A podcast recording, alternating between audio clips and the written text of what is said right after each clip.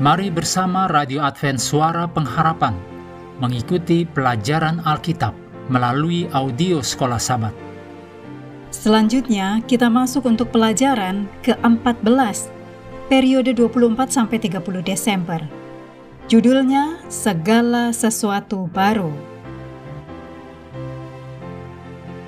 Mari kita mulai dengan doa singkat yang didasarkan dari 2 Petrus 3 ayat 13 tetapi sesuai dengan janjinya, kita menantikan langit yang baru dan bumi yang baru, di mana terdapat kebenaran.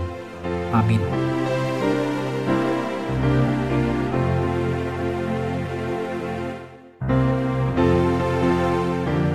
Ayat hafalan sepanjang pekan dari Wahyu 1 ayat 17 dan 18. Ketika aku melihat dia, tersungkurlah aku di depan kakinya, sama seperti orang yang mati.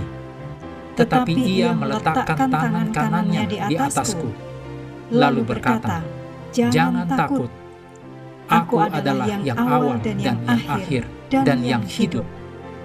Aku telah mati, namun lihatlah, aku hidup sampai selama-lamanya. Dan aku memegang segala kunci maut dan kerajaan maut.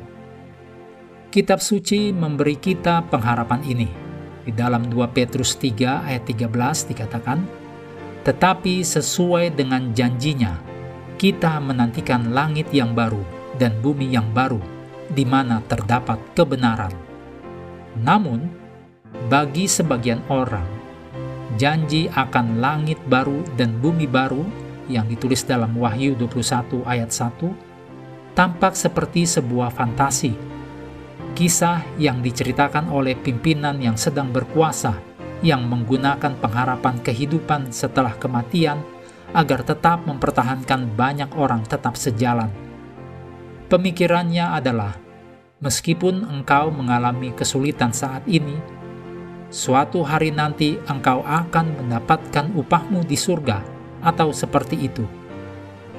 Dan meskipun beberapa orang telah menggunakan pengharapan masa depan yang memang dalam Alkitab seperti itu, tapi penyalahgunaan yang mereka lakukan tidaklah mengubah kebenaran janji yang kita miliki mengenai langit yang baru dan bumi yang baru. Di hari-hari terakhir, para pencemooh akan mengejek penggenapan pengharapan kita Demikian ditulis dalam 2 Petrus 3 ayat 3 sampai 7. Tetapi cemoohan mereka seperti yang diperkirakan dapat dilihat sebagai lebih banyak bukti bahwa apa yang dikatakan Alkitab itu benar karena mereka mengejek seperti yang dinubuatkan Alkitab.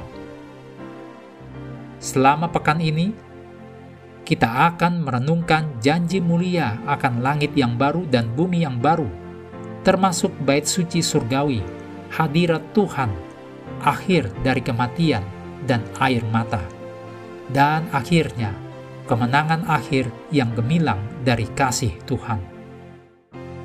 Kami terus mendorong Anda untuk mengambil waktu bersekutu dengan Tuhan setiap hari bersama dengan seluruh anggota keluarga, baik melalui renungan harian, pelajaran sekolah sahabat, juga bacaan Alkitab sedunia, percayalah kepada nabi-nabinya, yang untuk hari ini melanjutkan dari satu tawari pasal 7. Tuhan memberkati kita semua.